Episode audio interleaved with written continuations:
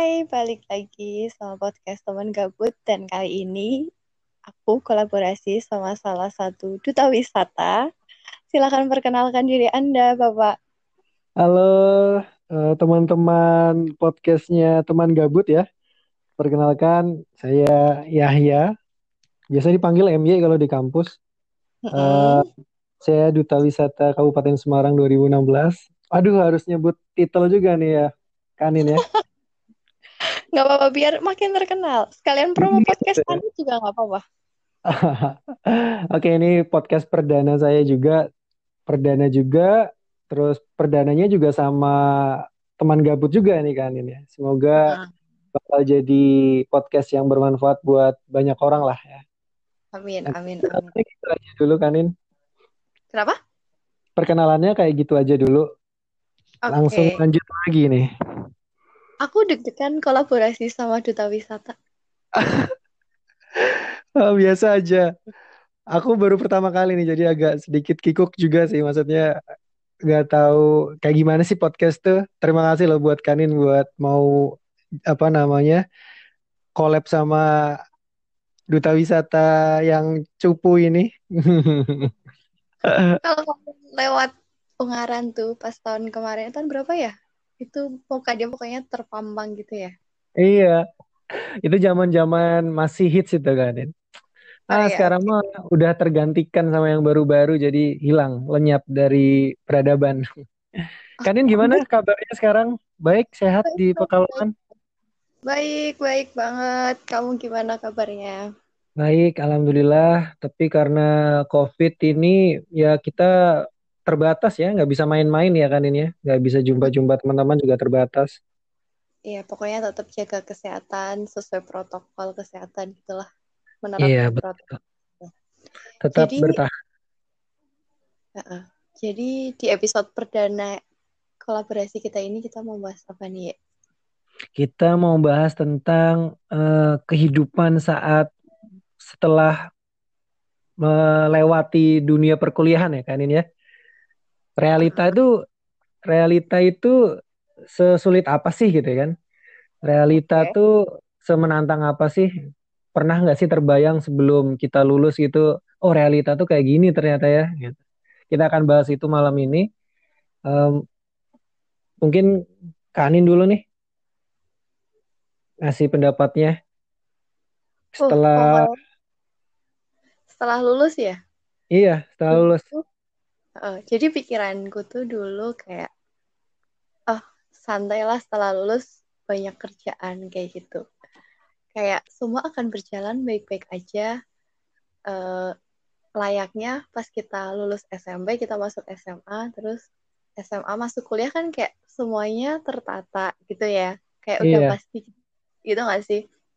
Dan iya timeline kita sama teman-teman kita juga kayak sama. Aku masuk aku masuk kuliah, ya dia juga masuk kuliah ibaratnya kayak gitu. Tapi ketika kita lulus tuh bener-bener jebret. Wow, semuanya tidak terduga.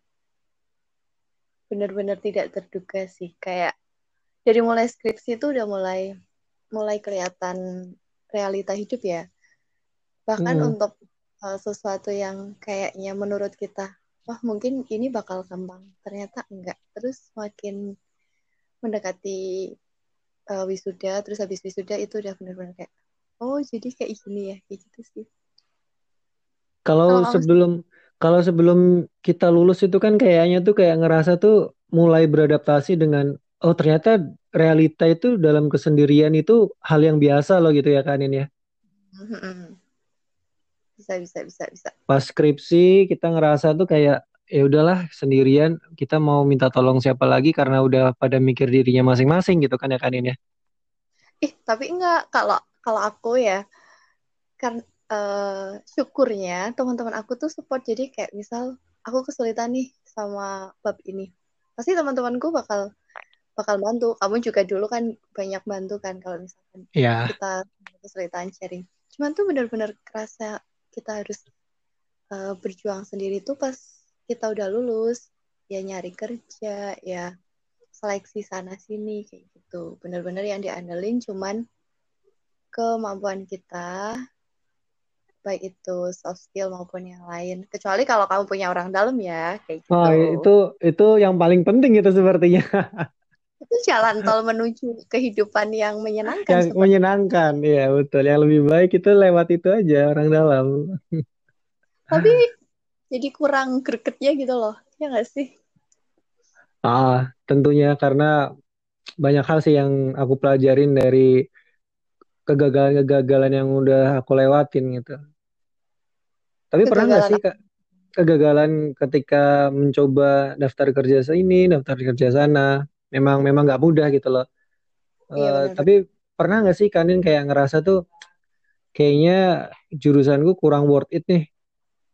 Kok susah banget ketika udah lulus nyari kerja tuh susah banget gitu. Pernah nggak sih ngerasa kayak gitu Kanin?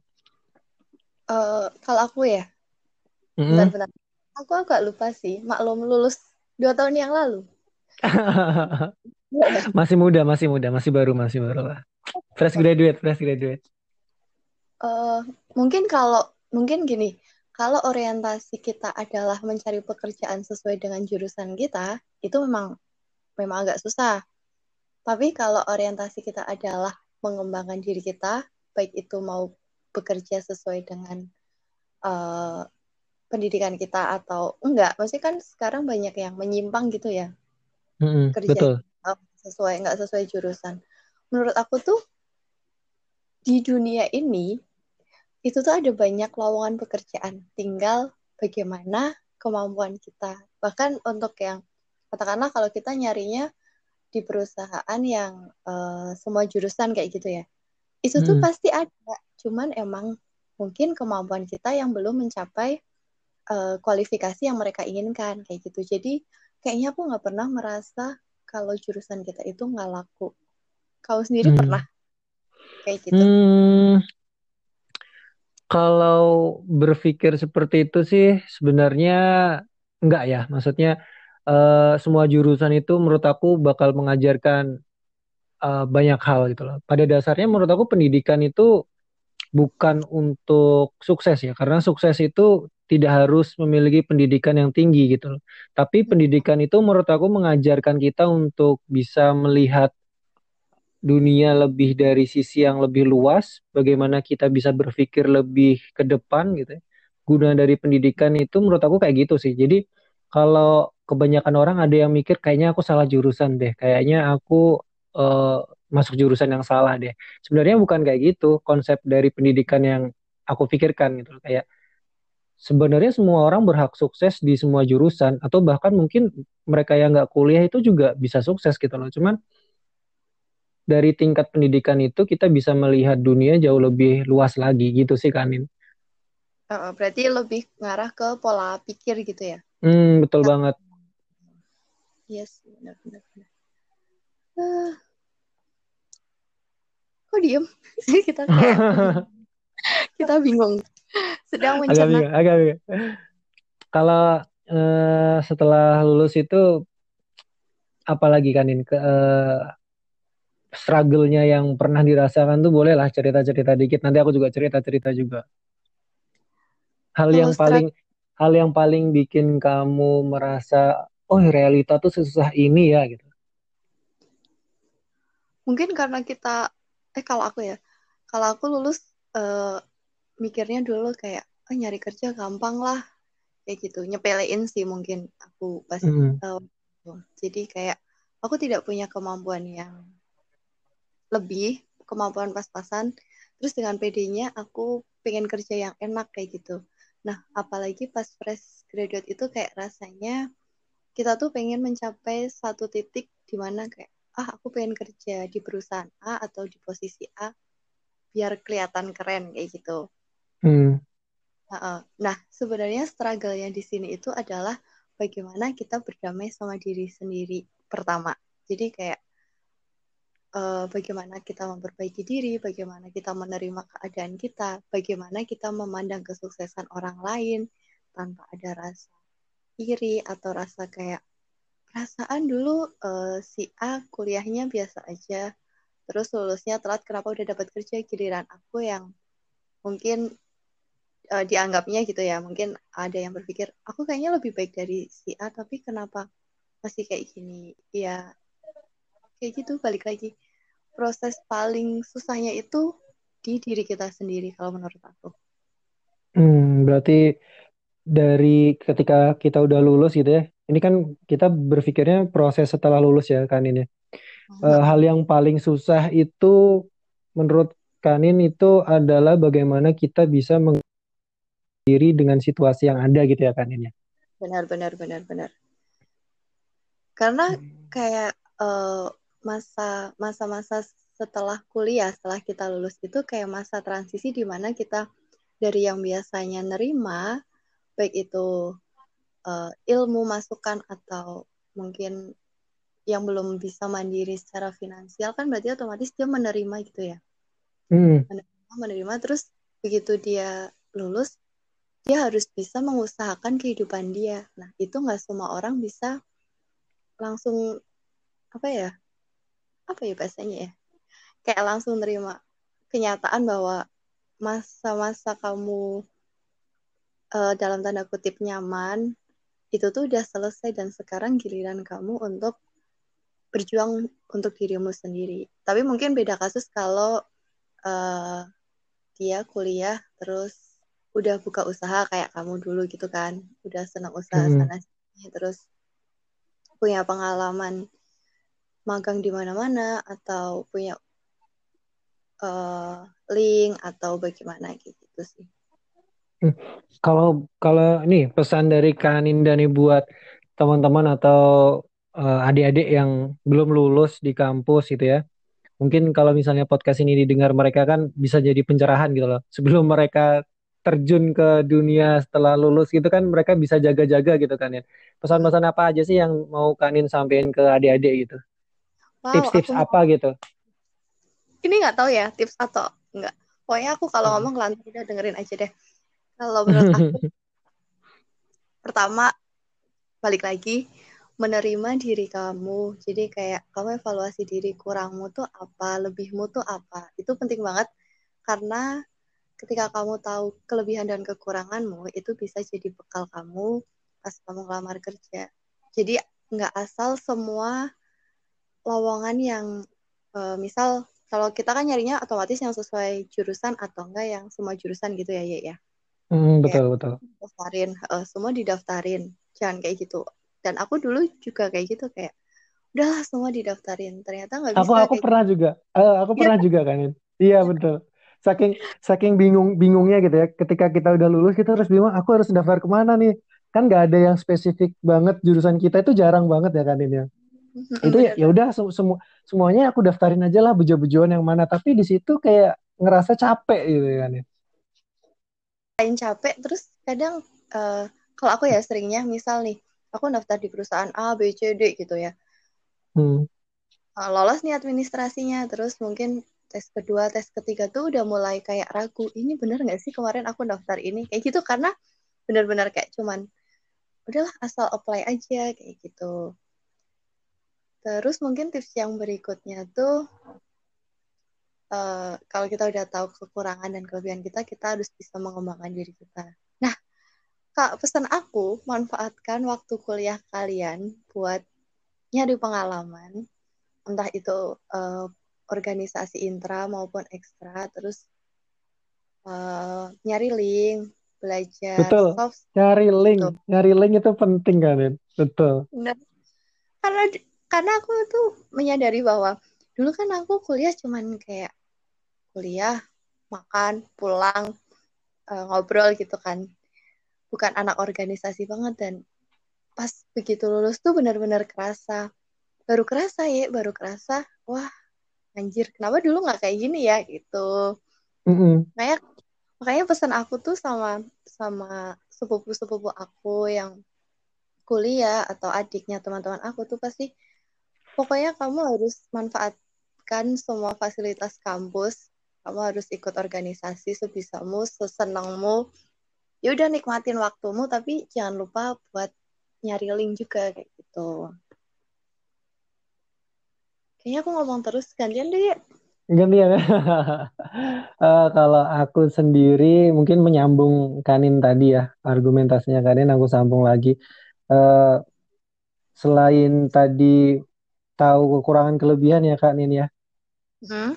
eh, mungkin bisa menerima kondisi dulu kalau aku ya. Pertama, ketika kita udah lulus itu terima kondisi dulu gitu loh. Atau mungkin Hmm? eh, sebelum lulus dulu kali ya. Sebelum lulus aku mungkin ada pesan-pesan buat adik-adik yang mungkin dengerin podcast ini. Ketika kamu sebelum lulus itu jangan terlena sama zona nyaman sih. Maksudnya ketika kamu udah organisasi aja kamu udah merasa dirimu sibuk gitu. Sibuk Hmm? dan sibuk dan apa namanya kayak produktif itu berbeda gitu. Kalau menurut aku Hmm? lebih fokuslah ke membawa dirimu tuh lebih produktif gitu loh. Da- Hmm. jangan jangan hanya fokus pada IPK gitu. Sekarang itu aku merasakan bahwa IPK itu hanya kepuasan sesaat, kepuasan dan kebanggaan sesaat eh, atas pertanggungjawaban kepada orang tua gitu. Tapi pada realita yang ada, IPK itu nggak terlalu terlihat gitu loh. Justru eh, bagaimana kamu belajar di luar itu yang kemudian akan dibawa ke dunia realita pekerjaan seperti itu. Itu Hmm. untuk pesan-pesan kalau adik-adik belum lulus ya. Itu dari sisi aku kalau berbeda pendapat monggo silahkan gitu.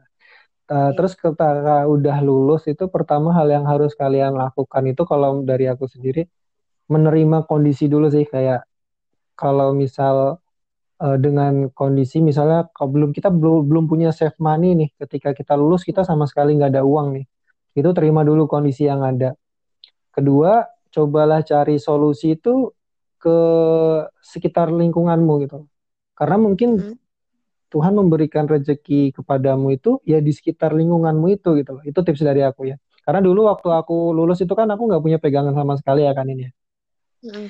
Itu terus coba deh aku eh, chat teman-teman yang sekitarku nih. Karena dulu di kampus itu sering dekat sama teman-teman surveyor ya kan. Terus Hmm. akhirnya "Ah, ayo aja kalau ada survei ajakin aku ya, ajakin aku ya. Nah, dari situ titik awal dapat rezeki kan ini. Jadi pesan aku buat teman-teman yang belum lulus kali ya, eh, jangan lupa untuk tetap silaturahmi gitu loh. Kalau ada yang bilang bahwa silaturahmi itu membawa rezeki, aku bilang iya gitu loh. Karena ketika kita jaga silaturahmi dari situ nggak tahu gimana, pokoknya datang aja rezeki kita. Itu Benar. Anin, ketika kita udah lulus gitu, menerima keadaan dulu, terus coba cari eh, di sekitar kalian itu ada potensi apa gitu. Benar banget. Jangan Kayaknya- nyerah sih. Jangan Iya, nyerah bener. juga. Jangan pernah nyerah sih.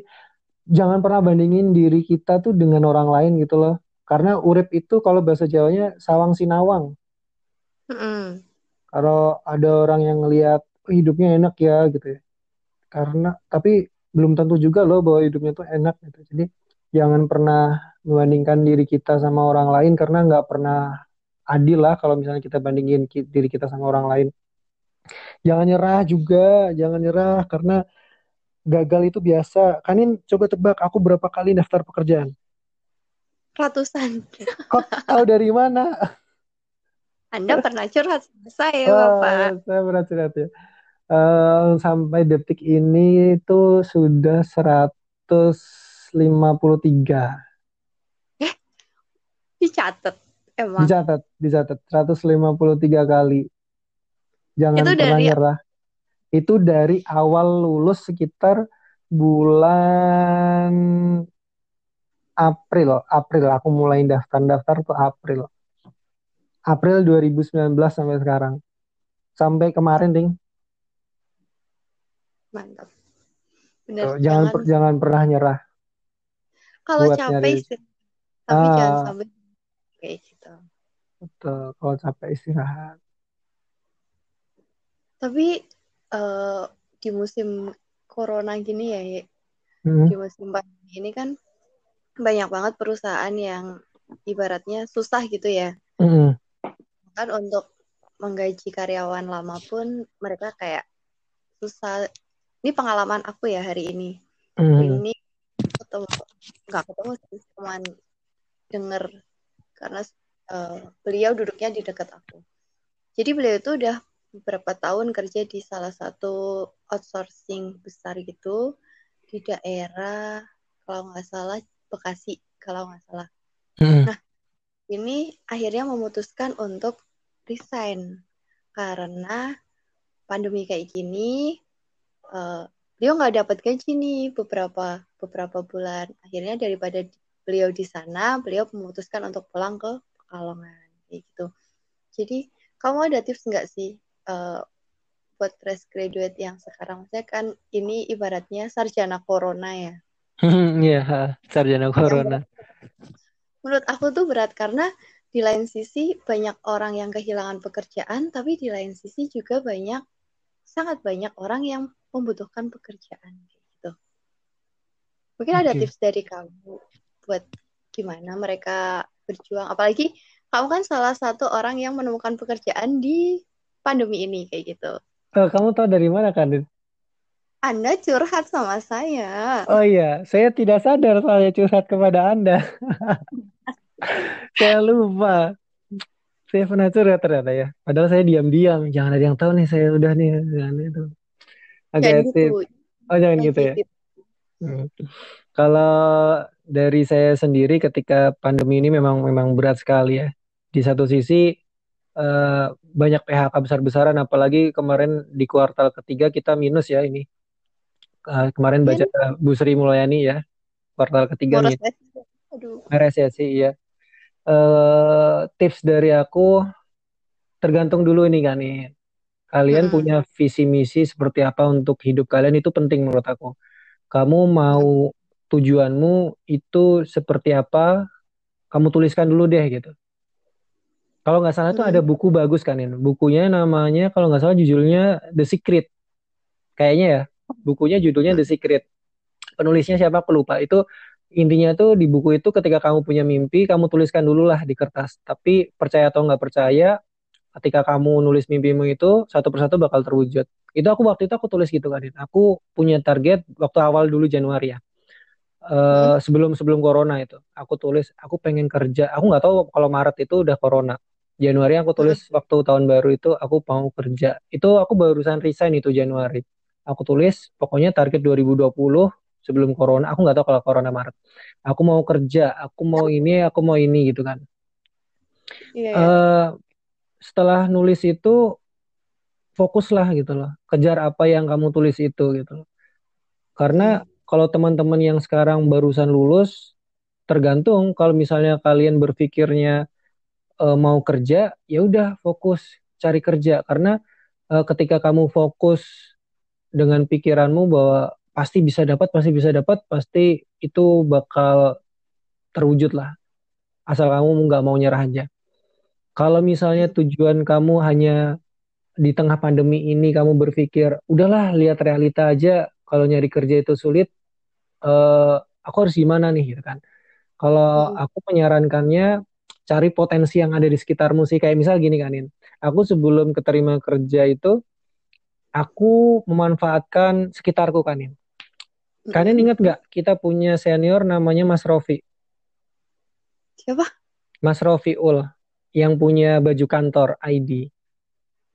Uh, eh, aku nggak tahu. Maaf ya Mas ya. ya. Nggak nggak apa-apa nggak. Itu angkatan 2013 angkatannya Mas Sabto. Uh, oh, itu kan uh, beliau itu kan punya usaha gitu. Udah dua tahun baju kantor.id. Terus kalau di Shopee itu teman-teman bisa lihat batik Aurora.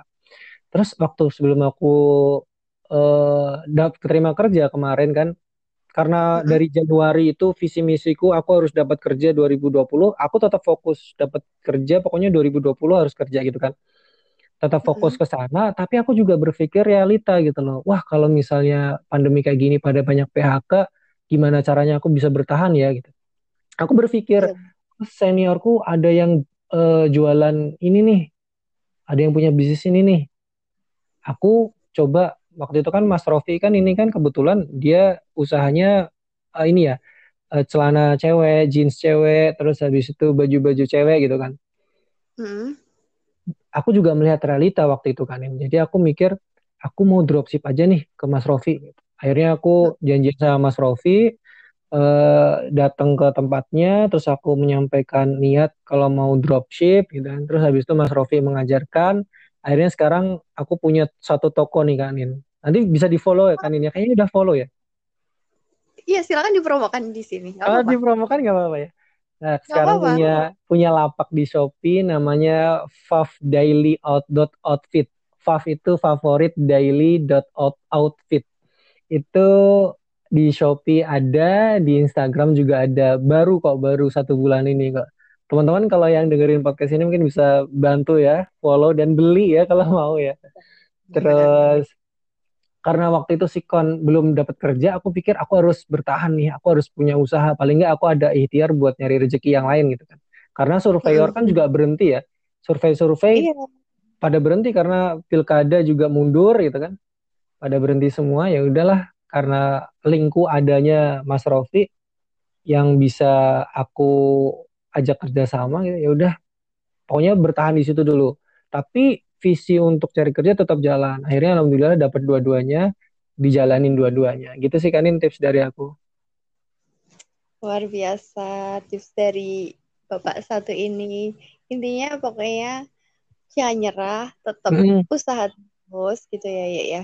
Betul, tetap usaha terus, tetap cari kesempatan, peluang. Karena kita nggak pernah tahu jalan hidup kita mau ke mana sih kan ya.